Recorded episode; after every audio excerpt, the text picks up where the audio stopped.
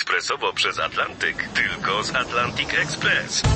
Z nami wyślesz co chcesz, kiedy chcesz, do kogo chcesz i to o 40% taniej. W Atlantic Express wysyłamy wszystko, co chcesz. 1 800 775 7363. Mienie przesiedleńcze, kontenery, paczki do Europy. Atlantic Express to 30 lat doświadczenia i o 40% niższe ceny na wysyłki kontenerów, samochodów i paczek. Ekspresowo przez Atlantyk, tylko z Atlantic Express. Ginger i Fred to przed, przedostatni film Federico Felliniego. Na ekrany wszedł w 1985 roku. Trzy lata później Fellini zmarł. Biografia Felliniego jest cudowną mieszaniną prawdy i fantazji, faktów i zmyśleń, którą to legendę mistrz zresztą z lubością tworzył, no albo przynajmniej w jej budowaniu pomagał. Na pewno urodził się w 1920 roku w prowincjonalnym Rimini i był synem średniej klasy komiwojażera, który marzył, by jego syn został prawnikiem. Ale syn, czyli Federico, wykazywał się w szkole jedynie uzdolnieniami plastycznymi. O jego ucieczce z wędrownymi cyrkowcami już wspomniałem przy okazji Lastrady. Chodził do szkół prowadzonych przez księży i zakonnice. Nie znosił matematyki. A jako młodzieniec wiódł beztroskie i bezmyślne życie, które później sportretował w filmie Wałkonie. W 1938 roku wyjechał do Florencji. Pracował jako korektor i rysownik w miejscowej gazecie. Chciał zostać sławnym dziennikarzem. Wyjechał więc do Rzymu. Poszedł na studia prawnicze, ale tylko po to, żeby uniknąć służby wojskowej.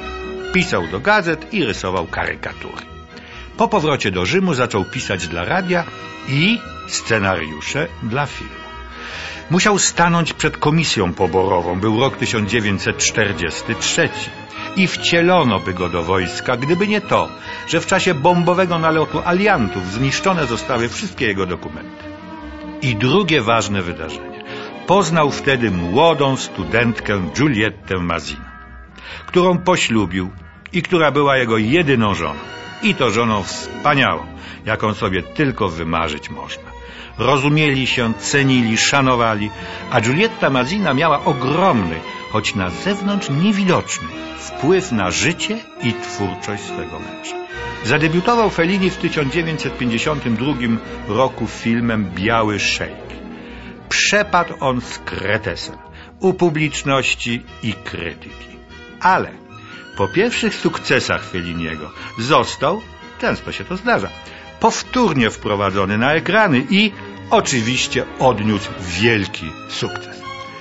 No a potem była Lastrada, Noce Kabiri, Słodkie Życie, Osiem i pół, Rzym, Amarcord, Casanova, Miasto Kobiet i tak dalej, i tak dalej i Ginger i Fred. Jak już wspomniałem, przed, przed ostatni film Felliniego. Piękna, romantyczna, nostalgiczna, ale i gorzka opowieść o parze tancerzy, grają ich Giulietta Massina i Marcello Mastroianni, którzy przed kilkudziesięciu laty występowali razem na estradzie, naśladując najsławniejszą w historii kina parę amerykańską Fred Astaire i Ginger Rogers. Byli sławni, uwielbiani, bogaci i co więcej, kochali się. W życiu jednak różnie bywa. Więc po wielu nieporozumieniach i gwałtownych zajściach się rozstali. A teraz po 30 latach się spotykają, ponieważ zostali zaproszeni do udziału w bożonarodzeniowym widowisku telewizyjnym. Mają znowu odtańczyć swój popisowy numer jako Ginger i Fred.